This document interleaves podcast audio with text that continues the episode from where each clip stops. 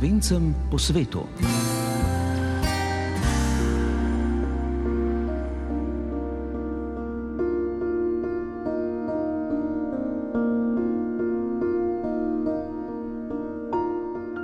London 1991. Dogodki v rodni domovini so zaznamovali tudi dogajanje med slovenci v britanski prestolnici. Spodbudili so spontano, organizirano delovanje civilne družbe v podporo slovenski samostojnosti.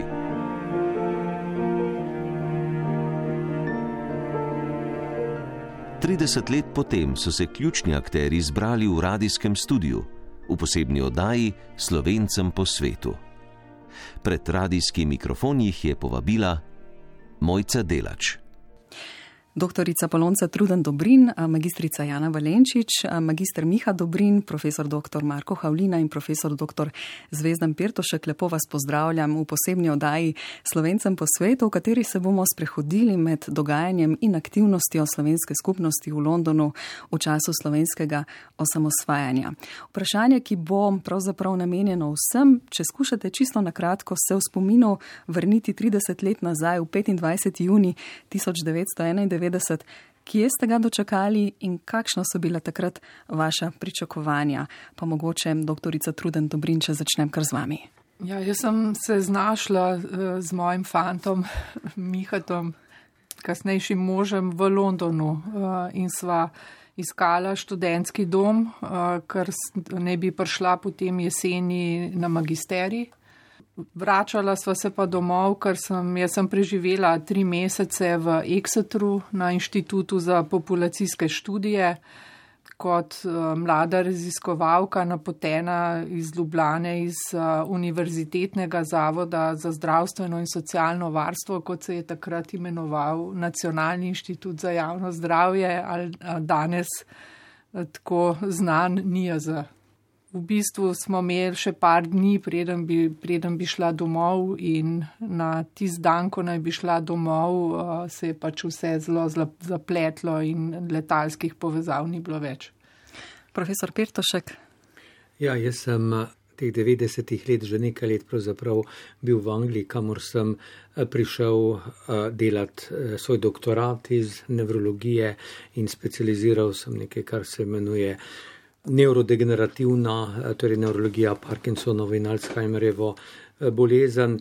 Sem pa takrat, tik pred 25. pravzaprav eh, nagovoril eno skupino svojih kolegov iz Londona, zdravnikov in psihologov, da gremo v Ljubljano, ne, kjer bomo priča temu zgodovinskemu dogodku, razglasitvi nove države, evropske.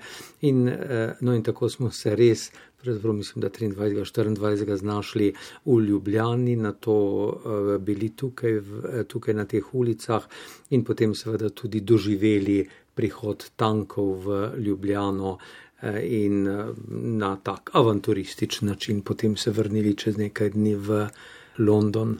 Kaj to pomeni avanturistični način? Mm, torej, avanturistično pomeni to, da nismo mogli leteti iz eh, torej Brnika, ker je bil takrat že zaprt in pa bombardiran, eh, in da nas je moj oče eh, po nekih čudnih cestah preko Zagorja odpeljal v Zagreb na letališče, kjer pravzaprav smo imeli prav zadnje letalo, ki je še lahko iz Zagreba odletelo za London. Magistr Miha Dobrin. Kot je omenila Polonca, sva, ona je bila tri mesece, jaz sem si pridružil za zadnji 14 dni, ki so bili namenjeni predvsem ogledu za pripravi na, jesenski, na jesensko, za manj letno bivanje, ki se je potem raztegnilo na nekaj več let, ampak eh, pa ogledu teh možnih lokacij bivanja. Predvsem se pa teh 14 dni, ki je bilo planiranih, eh, potegnilo v zelo intenzivnih 14 dni, ki, ki so sledili, pač in bilo to celotno naše dogajanje pač ne samo naše skupine, ampak eh, vseh, ki so bili takrat in so sodelovali. Profesor Marko Holina. Tudi jaz sem bil v Londonu na doktoratu takrat tista leta, od eh, konca 89 pa do, bi rekel, konca 91 nekje. In prav tisto jutro se spomnim, da sem kupil tale časopis The Independent, War, um, ki me je, moram reči, zelo pretresel in uh, pač sledile so takojšnje komunikacije, takrat ni bilo interneta, ni bilo nič, smo morali preko rednih linij, long distance calls, uh, klica domov. Uh, tako da to seveda ni bilo mogoče iz službe, tako da je šlo veliko funt, ko jih je kar požiralo, tako en za drugim, tak, tak, tak, tak, tak notri, tako da smo zvedli, kakšna je situacija.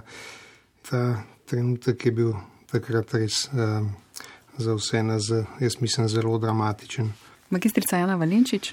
Kje sem bila 25. junija, se ne spomnim. Zato, ker vse skupaj je eno tako ne, intenzivno zamegljeno obdobje. Ampak vem pa, kako ste, ga, kako ste se začeli, kako se je to obdobje začelo za me. Pa ne vem, kaj je bilo prej.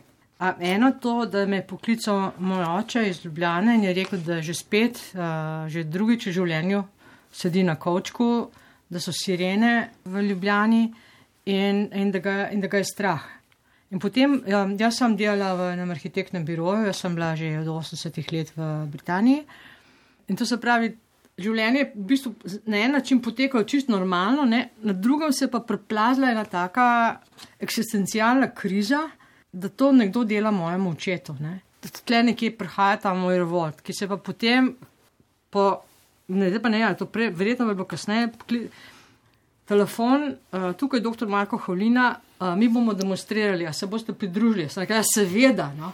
In tako se je to začelo, da sem jaz v bistvu v trenutku z enega arhitekta uh, londonskega naenkrat postala aktivistka, ne? tako preko noči, tako rekoč. Ne? In potem so bili ti krasni ljudje okoli mene in potem se je vse to nekako uh, zgodilo. Ne? Že v poznih 80-ih letih smo se londonski slovenci začeli zavedati, eni bolj, drugi manj, zaskrbljujočega stanja v takratni Jugoslaviji. V Londonu se nismo zavedali splošnega razburjenja v Sloveniji, dokler ni nekega januarskega dopoldneva nekdo, ki ga večina londonskih slovencev dotlej ni poznala, dr. Marko Haulina, nepričakovano telefoniral v pisarne in dnevne sobe londonskih slovencev z vabilom na demonstracijo pred jugoslovanskim veleposlaništvom na zahodu Londona. Profesor Havlina, kot je omenila gospa Valenčič, ste jo poklicali, no to neko delovanje, povezovanje, neke pobude, da je treba nekaj narediti, pa so se rodile že prej, kaj ne? Ja, tako je. Januarja smo že prve demonstracije izpeljali pred jugoslovanskim veleposlaništvom in seveda je bilo treba nekoga povabiti na to, zdaj mi nismo imeli nobenih kontaktov, takrat seveda ni bilo družbenih omrežij. Um, tako da naš prvi kontakt z slovenskimi rojaki v Londonu je bila katoliška misija, gospod Cikanek, eh, ki je bil nekako dovolj um, pogumen, da ne rečem, uh, v, času GDPR-ja se to gotovo ne bi zgodilo in mi je dal neko adremo 400 teh naslovov, uh, vključno z slovenci iz predvojnega obdobja, s temi, bom rekel, naših uh, let in seveda post uh, po vojni. Tako da je bila ta drema nekako kar pisana in spomnim se tega, da sem, sem sedel pri telefonu, kadar so vsi šli in klical na te številke in spomnim se teh odzivov, ja, kdo, kaj. Um, hm, dobro, ja, um, odkot ste rekel, da ste zakaj kličete, kako ste dobili mojo številko in tako naprej. In spomnim se tega dobro, točno te, sem poklical Jana Valenčica, rekel Jana Valenčica, Marko Havlina, bi vi se pridružili. Ja, seveda, to je bil prvi tak brezpogojen, ja, seveda. Ta odbor ne, za zaščito demokracije v Jugoslaviji, kot se je takrat imenoval, je pa uh, bil ustanovljen že kdaj, že enkrat v koncu leta 89, se mi zdi kaj takega. In uh, dobivali smo se tako le 4-5 ljudi v stanovanjih, kakšnih lokalih in tako naprej in delali načrte. No, ampak uh, vse to je pač pripeljalo do tega, da je bila recimo neka drema, neki pogoji za nek hiter zagon nekih aktivnosti, pa so bili postavljeni že preden je prišlo pri nas res do te eskalacije. Profesor Pertošek, vi ste bili tudi takrat zraven dejavni. Se spomnite tistega Evropa najbolj zemlje stotih zastav? Ja, eh, spomnim se zelo dobro. Pravzaprav smo bili, moram reči, res takrat ena taka kozmopolitanska skupinica, ne, pridružil se razen, eh, torej Markota in mene, ne bil Drago Štambuk, sedanji zelo znan veleposlanik in pa diplomat hrvaški in tudi pesnik, internist sicer tudi. Potem se nam je pridružila hrvaška publicistka Branka Magaš in pa imeli smo tudi enega kolega iz Kosova, eh, Ramadan Beriša, mislim, da se je pisal, ne?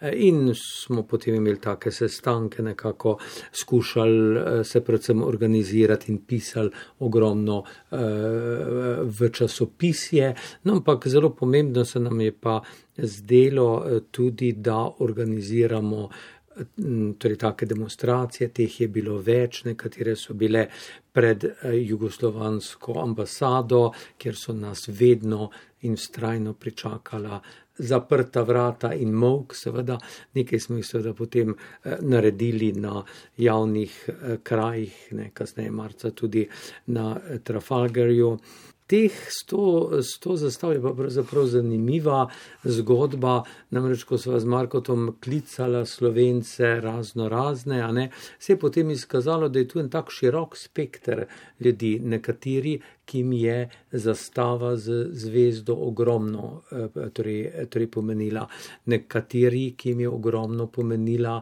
trobojnica brez kakršnega goli, koli tri znaka. Takrat še nismo imeli grba. Nekaterim je ogromno pomenila eh, zvezda s karantanskim eh, panterjem. Ne. Tako da, tako da pravzaprav so ljudje potem sprašvali tudi, ja, kakšno zastavo pa ne prenesemo. No in potem je nekako eh, sva se z Markotom pogovarjala, kako, kaj in sva prišla do tega, da morda pa je najboljše, da pravzaprav vsak prenese svojo zastavo, tisto, za katero najbolj čuti, da, ga, da simbolizira. Skozi teh mnoge zastave se bomo pa združili v podporo demokraciji, predvsem demokraciji in preko demokracije, potem tudi naši Sloveniji.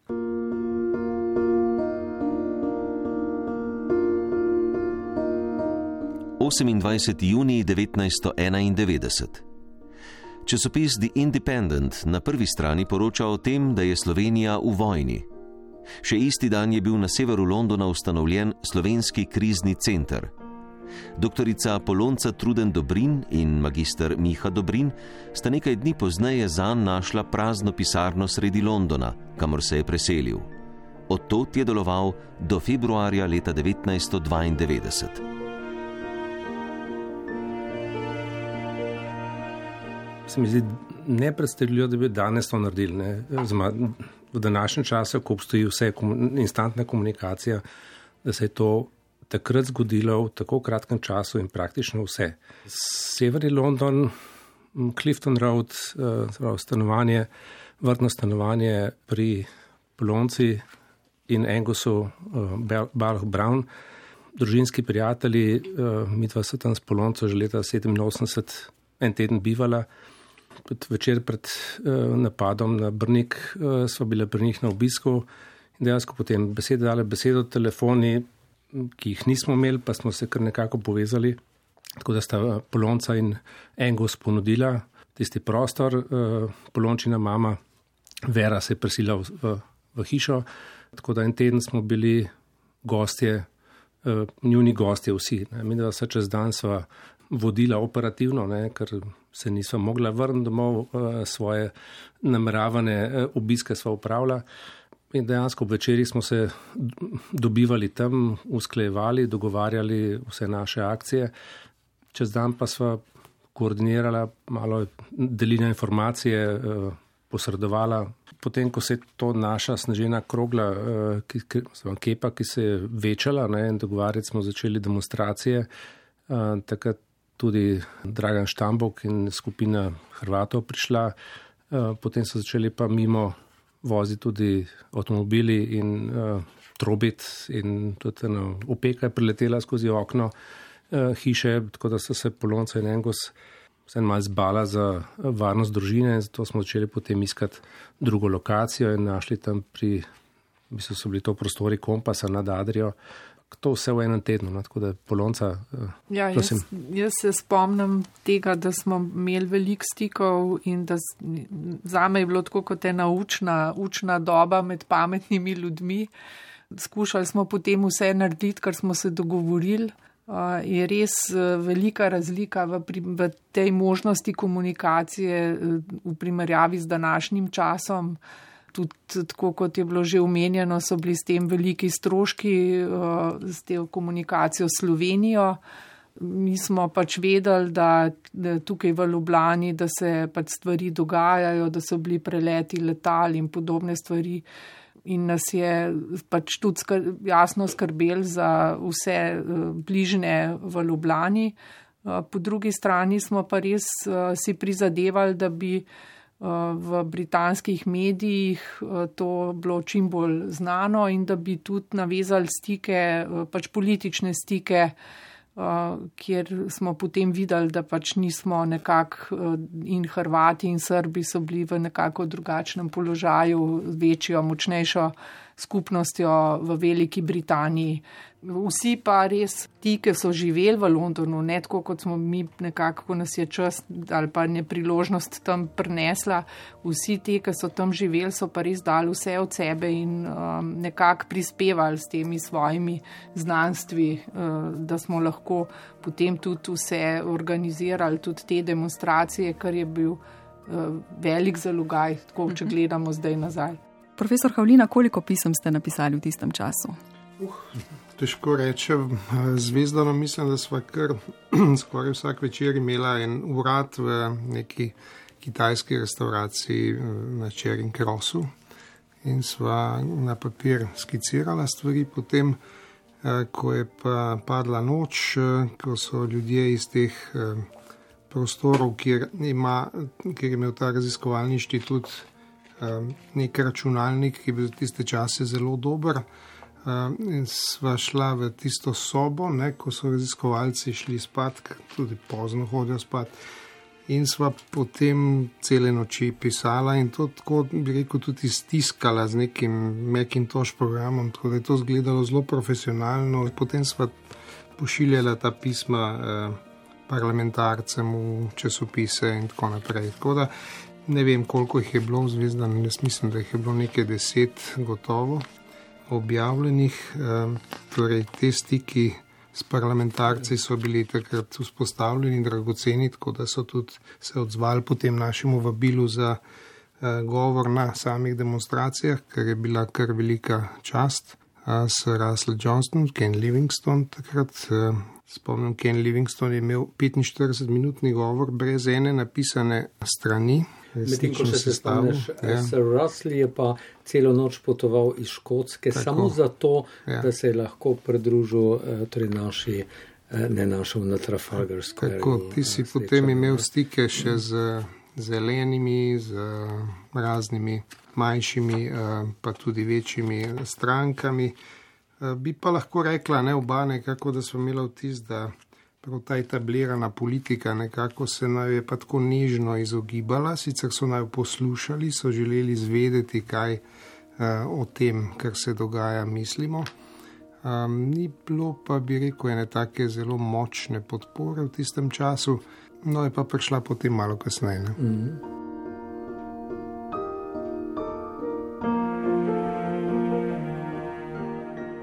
29. juni leta 1991. Ne da bi kaj vedela o severnem Londonu, je arhitektka Jana Valenčič ustanovila glasilo The Slovenian Newsletter. Njegov namen je bil organizirano obveščati londonsko-slovensko skupnost.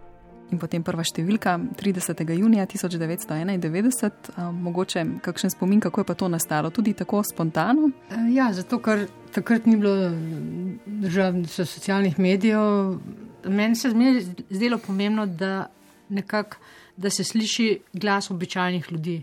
In tudi, da lahko vsi ljudje izvajo te stvari, ne? ker mnogi niso imeli možnosti, da sledijo recimo dogajanjem v Sloveniji, predvsem pa, zato, da nas povezuje.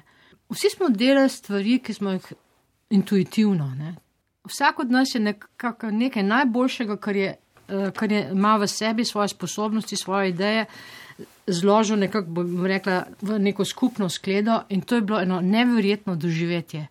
Moj sourednik, dr. Zvezdan Pirtošek, pa Michael Betts, ki je tudi prevajal, tako da vsem, pa prispeval je risbice, je vsaka, vsaka mislim, to, to glasilo je bilo v bistvu narejeno točno dobesedno na kuhinjski mizi. To je še tistih časov, ko so računalniki še niso uveljavljali, tako da smo nekaj na stare Amsterdame, sem jaz to stipkala, pa zvezda. Ne, potem, in potem smo to nekako glimali in potem je to um, uh, tiskar gospod Pleničar stiskal in, in cela stvar zgledala vredo, medtem ko so bili po, ne, posod neki listki, limi, papirčki in tako naprej. Prva številka je v bistvu išla, da tako rečem, ne, da, torej šla med ljudi ravno na teh demonstracijah pred, pred britansko, pred slovensko, velikoslovenskim veleposlaništvom. Ja. Profesor Pirtošek, koliko pa je po vaših izkušnjah, glede na to, da ste bili v Londonu že kar nekaj časa, pa recimo vaši kolegi, intelektualci, akademiki, ljudje, koliko so pravzaprav vedeli o dogajanju v Sloveniji? Zelo malo, skoraj da nič, ne, zelo malo. Jaz tudi moram reči, da sem pravzaprav dost zavestno skušal nekako ločiti svoje zelo profesionalno eh, življenje eh, in pa eh, torej doktorat od recimo svojega aktivizma, ne, tako da nisem želel svojih, svojih kolegov kakršnakoli prepričanja so že imeli. In mnogi od njih moram reči, da, ne, da so imeli čvrsto prepričanje, da pravzaprav če kaj je čas za svet in Evropo narodov, ne za posamezne nove države, ki bi usklile tu in tam. Ne? Tako da, da moram reči, da pa tudi znanja ni bilo, jaz imam občutek, da Britanci malo o tem vedo, to me je zlasti pol prepričalo, neko smo hodili na pogovore k tem političnim strankam, kako malo vedo, nekako malo vedo.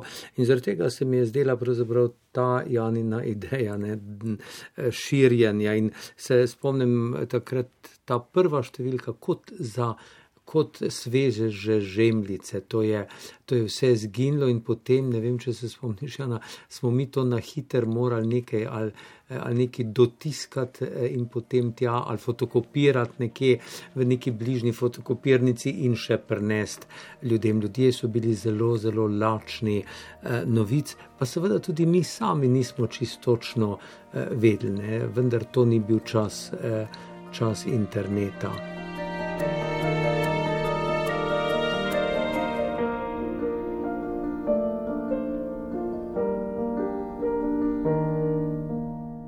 Ključne operativne odločitve za organizacijo demonstracij na Trafalgar Squareu so potekale 4. julija zvečer v zasebnem stanovanju v zahodnem Londonu.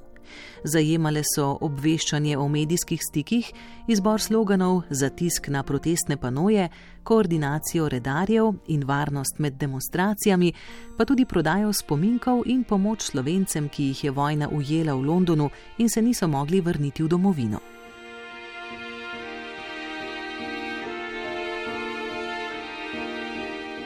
7. juli 1991, Trafalgar Square. Dogodek so zabeležile številne fotografije, ohranil se je tudi seznam govornikov, zelo malo pa je pisnih zabeležk, le spomini, medli zaradi utrujenosti. Opazovalcem bi se zdel še en protest na Trafalgar Squareu, drugo zaporedje govornikov, ploskanje, branje, državna himna. Mi smo to čutili drugače. Imeli smo novo zastavo, novo državno himno, novo identiteto in popolnoma novo državo.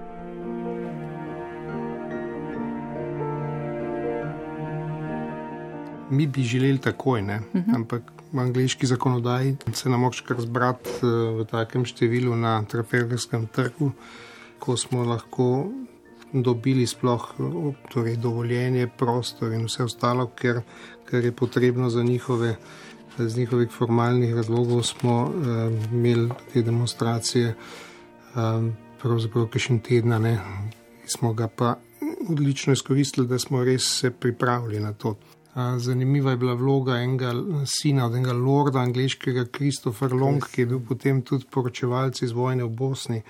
On se je sam ponudil, da bo naš uh, nekako tiskovni uh, kontakt za vse medije in je potem razporejal nas po različnih postajah in tudi lansiral te novice o, o, pač o dogajanju v Sloveniji in seveda tudi o tem, da se pripravljajo te demonstracije. Zdaj, absolutno je bila tukaj ena, kot je Ana že prej rekla, ena, ena splošna podpora temu, Tukaj niso bile več važne zastave, zdaj grb je bil sicer samo eden, ki ga mislim, da je Miha narisal. Zastave so se delale doma na šivalnih strojih in tako naprej in jih je bilo že kar nekaj. Ne. Sicer nažalost mislim, da manj kot hrvaških, ki so se potem pojavljali v bistveno večjem številu in smo skozi mal čutili, kot da so nam majhen, kako bi rekel, ukradli šov. Odnesli šov, ja, se ne rečem, ukradli. In na drugi strani so bili, poleg jasno vseh naših eh, slovencev in teh, ki so poslušali te govore, tudi ena skupina bradačev s črno mrtvaško zastavo, ki so bili srbi iz, četnik, torej iz tega četniškega rekel, gibanja. In uh, zgodilo se je, da po tej demonstraciji, da, je, da so zasledovali zvezdana in ga tudi zelo močno pretepli nekje v eni zakotni ulici, tako da je bilo tukaj kar nekaj rekel, tega mednacionalnega uh, dogajanja uh, in tren. Uh, rekel bi, da je pa nekako bila ena ena skupna zavest, da je to, kar se je zgodilo v Sloveniji, nekako ena bistvena prelomnica, ki je res pomenila en zgodovinski premik v tistem času.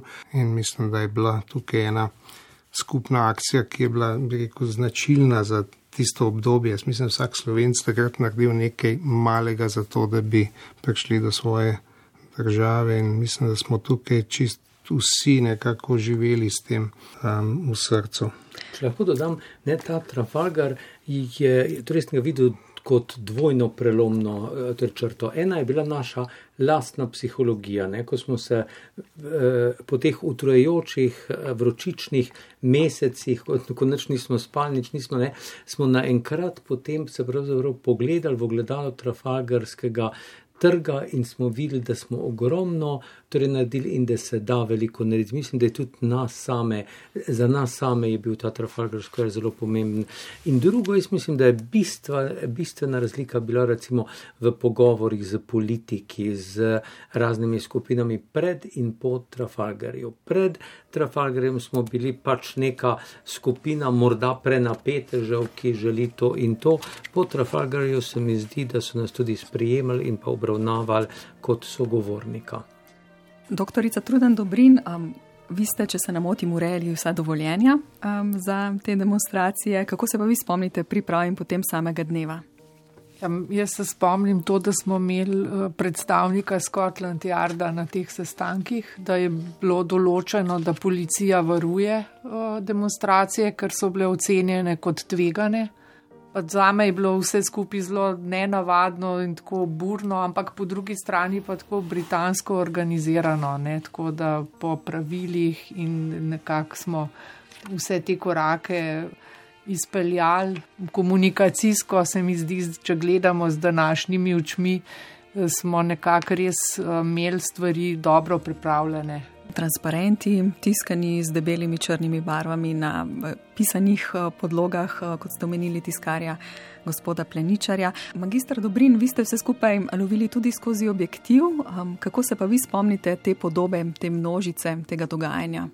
Podoba, ja, kot ste rekli, pisana, ne? ampak eh, tako kot je malo prej rekel Zvezdan, pa Marko Pozev, je to nekako vrh našega, tisti, ki je težko bi rekel katarza, ampak tisti, ki je res pač eksplozija vsega. Vse smo gradili pa še sem tedno, kaj se je zgodilo, ker je vsak posameznik dal svoje, ker smo se razumeli brez posebnega dogovarjanja. Ko se zaveš zgodovinskosti dogodka, na vsak način smo želeli to zastavo imeti, eh, bilo je ni, eh, kolega Andrej Stržišar mi je poslal po faksu grb, Uh, jaz tisto narisal na večje, dal naprej, kdo je sešil, ne vem, ampak Nadja Stavn in Breda Gajšek sta z njo zavojevali trg. Pač tudi na eni fotografiji mal rekel, malo usporedne so vlečnosti, so znamenito fotografijo o francoski revoluciji.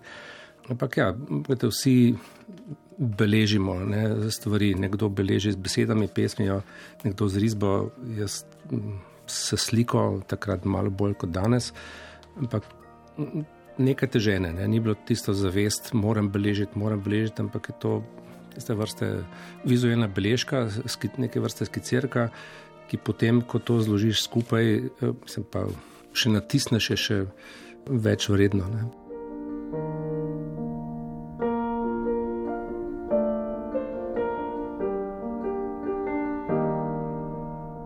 Jeseni leta 1991 so se na pobudo kriznega centra začela redna mesečna srečanja londonskih slovencev. Zbrali so se v zgornjem nadstropju gostilne Mason's Arms na Maddox Streetu v središču Londona. Po naključju je gostilno vodila gostilničarka Slavica, rojena v Sloveniji.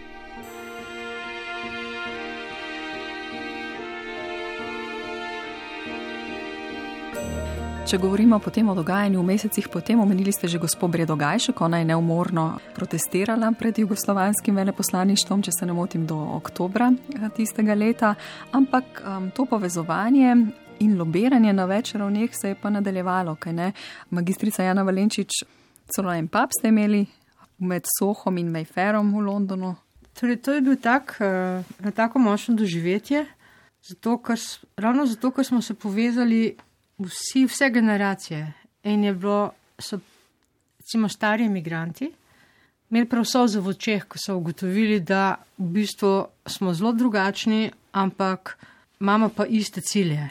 In to je trajalo pa mogoče kar taka redna srečanja, mogoče pol leta, eno leto, ne spomnim se, ampak.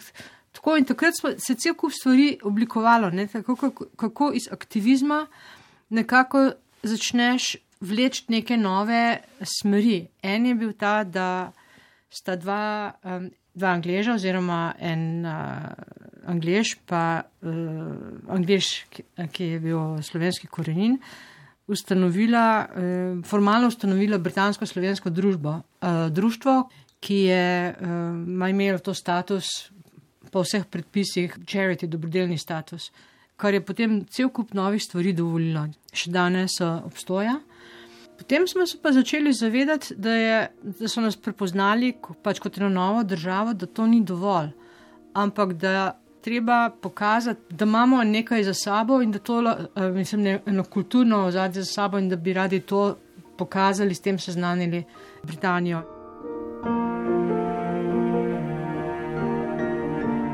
V marcu in aprilu leta 1993 je znamenita londonska trgovska hiša Liberty priredila prodajno razstavo slovenskega oblikovanja in izdelkov pod sloganom Slovenijo na zemljevid.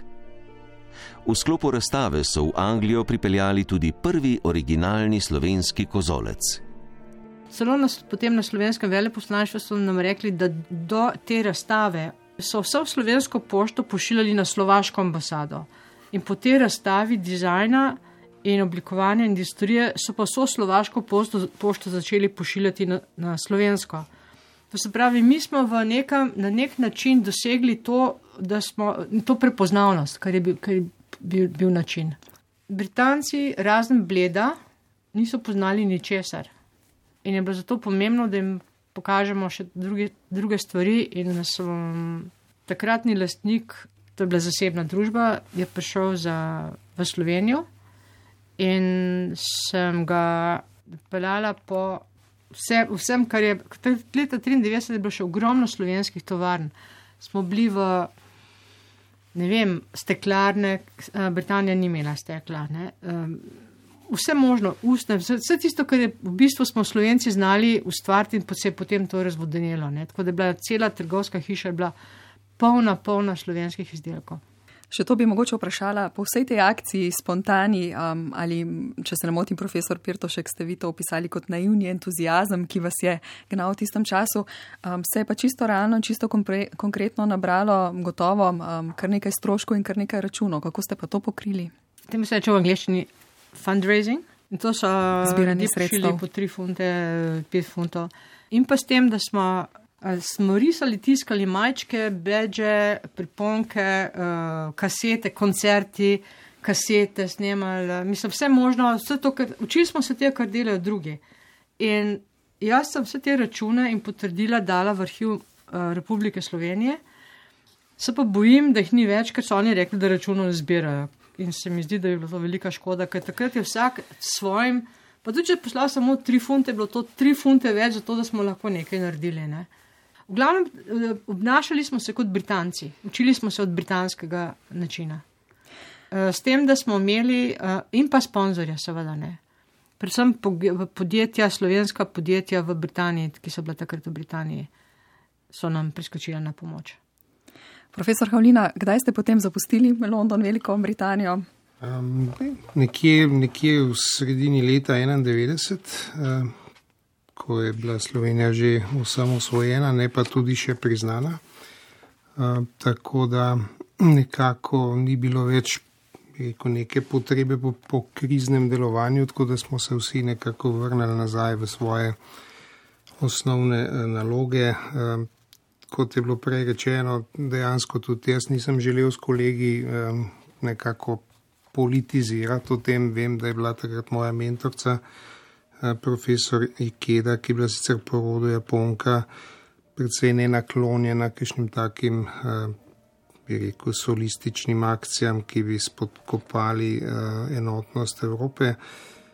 In to je bilo nekako takrat razumeti in mislim, da so se tega tudi vsi najbolj nekako bali, da če bomo mi spuščeni, da se bo potem naredil pa neka, nek kaos v Evropi in bo vse šlo. Um, tako da bi rekel, da je ta čas potem ne, v prizadevanjih za priznanje eh, bil seveda tudi pomemben, ampak tudi ta način osamosvajanja, to pripravljenost, to kulturno podlago tega in to politično in tudi eh, organizacijsko zrelost, ki so jo takrat pokazali vsi slovenci, so Britanci začeli spoštovati, ne samo Britanci, tudi drugi. Najprej so bili Nemci, Danci in drugi, ne, ki so to pripoznali, potem s časoma so se pridružili tudi drugi. Tako da bi pa rekel, da je verjetno v nekem širšem kontekstu uh, geopolitičnih dogajanj takrat je nam predvsej pomagal razpad Sovjetske zveze uh, in da je bila to tista velika, bi rekel, antarktična plošča ledu, ki se je takrat lomila in da naš, naš košček ledena, ledena, ledene plošče ali pa nekega čovnička, ki ga ta val odplakne, nekako bil posledica tega dogajanja, ki je bilo takrat dominantno, rekel že kakšno leto prej.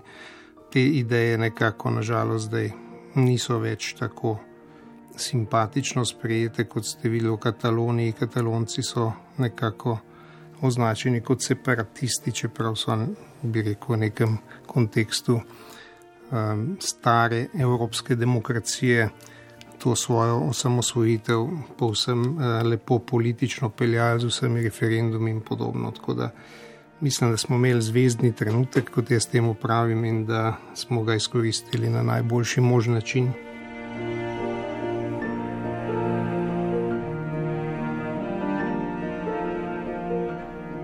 Najobsežnejši urejeni dokument akcij, s katerimi je civilna družba v Londonu odgovorila ob napadu na Slovenijo, je kronika delovanja civilne družbe Jane Valenčič in Mihe Dobrina.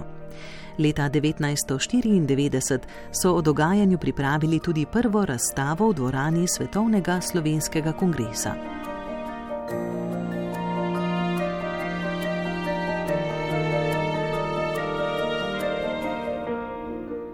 Miha Dobrin, kako je bilo 16 škatelj dokumentov in gradiva potem pripraviti v razstavo? Verjetno malo podobno, tako kot ko je Marko takrat klical Jana za demonstracije, je Jana poklicala mene, da postavila razstavo. Eh, je čez štiri dni v slovenskem prostoru Svetovnega slovenskega kongresa nad nami, tam le imam škatle, pridi. Mislim, si za, pridem, seveda, jasno. Prideš in si imaš pred seboj, verjetno 16 ali nekaj več katl, uh, goro gradiva. Pravi, tukaj um, se priznanje gre Jani, ker je dejansko zbirala vse. Um, Za me fotografije so in tako ustanejo v škatli, jaz jih nosim v glavi, uh, pa kakšni dokumenti so tudi v škatli, ampak da bi to vrednoti kot neko gradivo ali pa zgodovinsko gradivo, tudi tako zgodovinsko prelomnega trenutka. Ni v meni, še vedno ne, malo se začenjam zavedati, pa se zavedam tega bolj, ampak k sreči je Jana to zbrala in uh, me zbezala. In uh, pač sem sva uh, tisto postavlja, se pravi, razložiš po tleh, dejansko tako hitra triaža pomembnosti gradiva. Vse nekaj gradiva poznaš, predvsej ga spoznaš, predvsej mislim, iz tega časa komiteja za obrambo demokracije v Jugoslaviji. Tudi tisto obdobje po, sem nekaj poznal zaradi najnega bivanja v Londonu. Zlagaš po vsebini, zlagaš grafično, pravi, ponovno ima ponovitev tega zelo intenzivnega obdobja, se sestavi. Se pravi, je namenjeno, da to sestaviš in v tem času si sposoben to zložiti, ker ti je to dano. Tako da to je bila prva razstava, uh, tam uspešna, um, kakšne stvari potem, ko je treba razstavo uh, prenesti drugam, ne, pa je bilo kaj umejeno, preložiti uh, te panoje. Jansko je potrebno zgodbo od januarja 91 pa recimo do Libertija 93 in Kozovca 93-94 povezati eno celoto, da lahko daš opazovalcu ali pa tistemu, ki pride eh, nekaj, da lahko pogleda pač celoten pregled, pa hkrati dobi tudi podrobno informacijo.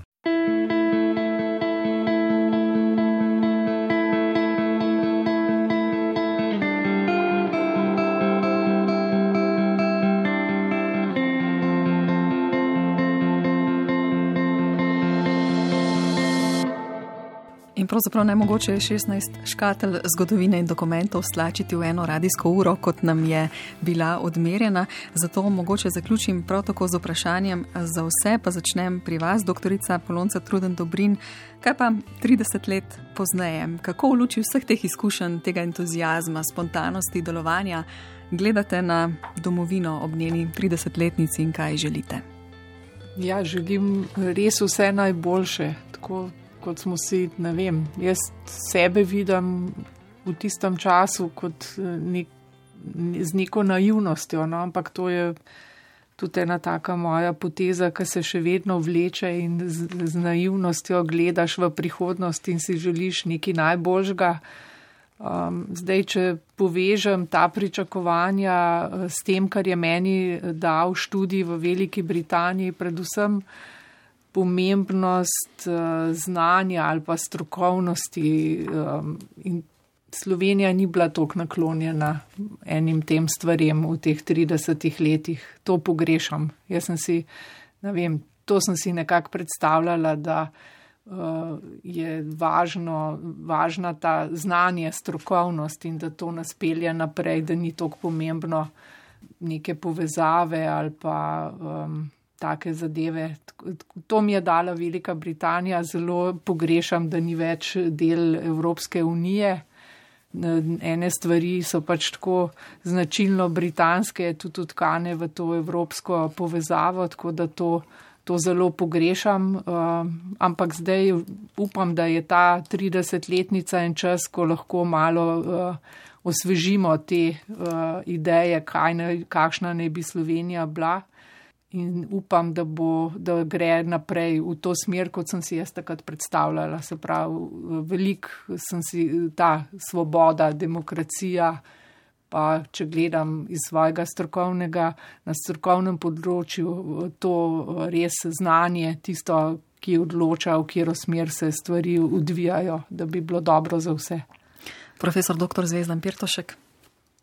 Po 30 letih uh, me ostajam tako zelo naivn, kot, uh, kot je tudi uh, polonca. Ne? Nek, nek naivni entuzijazem je verjetno predpogoj, da se takih stvari v življenju uh, lotevaš. Zdaj, ko gledam torej nazaj, ne vidim, da pravzaprav vedno v življenju, če si tak, je tudi čas za ali upor, ali eh, za reči, da to pa ni eh, dobro. Eh, jaz sem žalosten, ker pravzaprav dolgo časa nisem čutil, da bi družba živela v takem razkolu in pa tudi eh, v ranah, kot jih kaže eh, danes. In to govorim delno tudi kot morda eh, nevrolog, ki vidi, kaj kronični stres, ki ga ljudje počnejo drug, torej drugemu, zlasti pa politika ljudem, a ne da je nekaj zelo destruktivnega. In mi je žal, ne, da smo zdaj po, po 30 torej, torej letih prišli do ene take točke destruktivnosti. Tam, kjer bi prvo in zadnjo besedo morala imeti stroka v današnjih torej časih, jaz veliko krat čutim roko, senčeno roko ali senco politike to mi je žal, to, uh, torej, torej to ni prav in morali bomo biti boljši.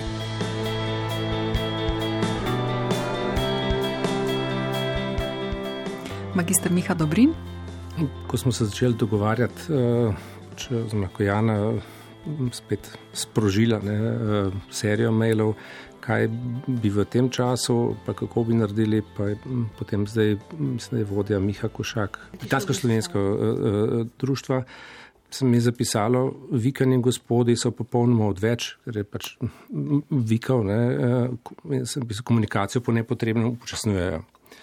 To je bil tudi tak odraz, se mi zdi, takratnega časa. Ne. Stopili smo skupaj, pozabili na gospode in se intenzivno odzvali vsak je naredil svoje in dodal v kolektivni napor za to zgodovinsko samostojnost. In potem smo se rešili. No, vsak tako zelo slovensko, narodovo, vsak je šel na svoje, ni tistih velikih, kot pri drugih eh, narodih. In zdaj te naše refleksije dopolnjujejo spomin na ta čas, ki se pa ne vrti povsem v tisto smer ali pa v smer, katero smo sanjali.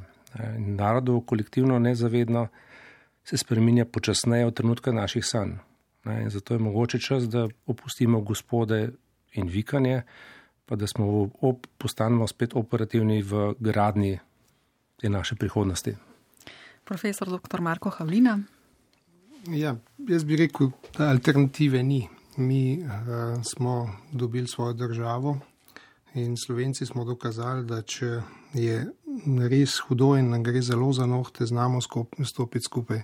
Nažalost pa čim največja nevarnost mine, pa ta nekako želja po skupnem ustvarjanju zgodovine nekako presahne in, in, in se začnejo te uh, nesmiselni, bom rekel, ideološko opredeljeni boji in uh, politične mreže, ki pravzaprav nimajo nobene, nobene zveze s tistim, kar naj bi slovenski narod a, bil sposoben narediti. In nažalost je še zmeri tako, da so najuspešnejši slovenci še vedno tisti, ki so v tujini, da smo še vedno individualisti in da pač je verjetno to eno obdobje. Mlade države, ki rabi še svojo zrelost, da bo našla svoj kompas in svojo pot v prihodnost.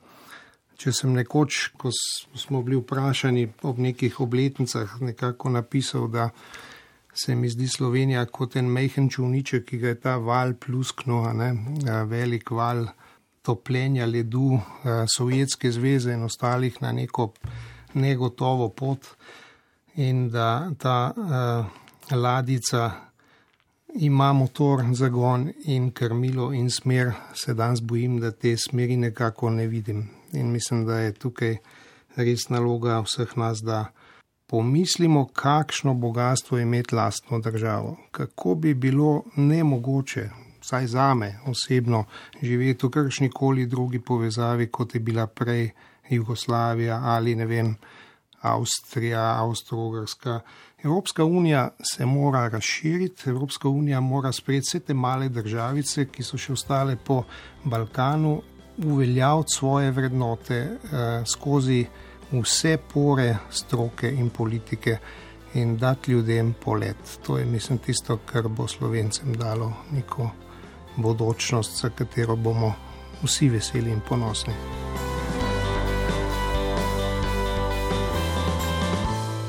In še magistrica Jana Valenčič. Jaz ne živim v Sloveniji, ampak prihajam in ne morem govoriti o kontinuiteti in o, o spreminjanju. Lahko pa govorim, zdaj imam ena, ena slika, mi je ostala v zasidrenem spomin, da sem bila jaz tukaj lani po naključju v, na dan proslave 29-letnice. In v Ljubljani stanujem zelo blizu kongresnega trga, kjer je bila proslava. In ko sem šla proti domu, jaz k meni domov, sem jaz trešila ob konvoj do zopo oboroženih policistov.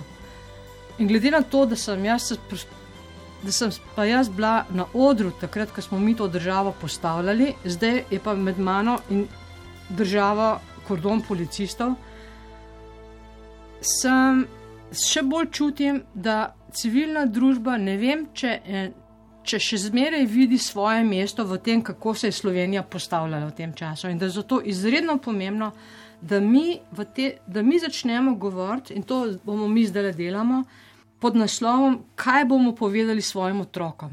Veste, ker naš glas, če ne bomo mi ustrajno povedali, da smo to gradili vsi v župniščih, gostilnah, pisarnah in kuhnah, ne bi bilo te države.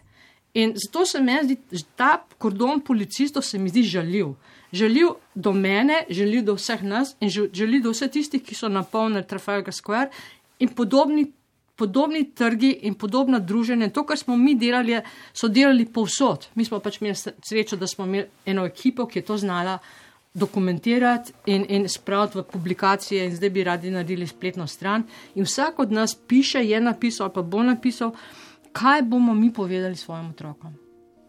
Spoštovanim, hvala lepa, da ste povedali, da ste delili z nami spomine, besede um, za naše poslušalke in poslušalce tukaj, doma, v rodni domovini in za vse tiste, ki nas poslušajo po svetu in zagotovo mnogi med njimi tudi ob tem spominjajo, kje so bili in kaj so počeli um, tistega davnega leta 1991, ki je v spomini 30 let zdaj bliže.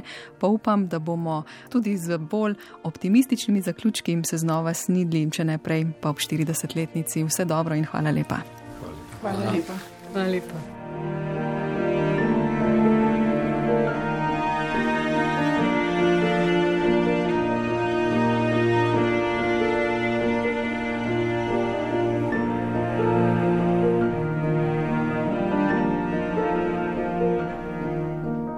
Poslušali ste posebno oddajo Slovencem po svetu o organizirani akciji slovencev v Londonu, ki je pospremila obdobje razglasitve slovenske samostojnosti. Gosti oddaje so bili dr. Polonca Truden Dobrin, magistrica Jana Valenčič, magistr Miha Dobrin, profesor dr. Zvezdan Pirtošek in profesor dr. Marko Haulina. V oddaji ste slišali odlomke iz razstavnega kataloga Slovenci v Londonu od 1991 do 1994.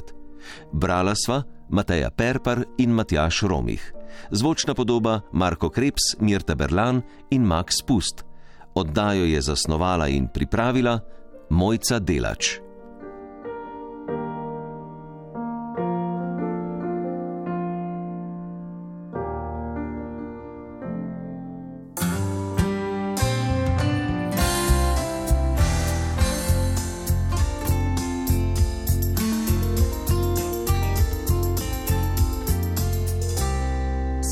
Slovencem po svetu.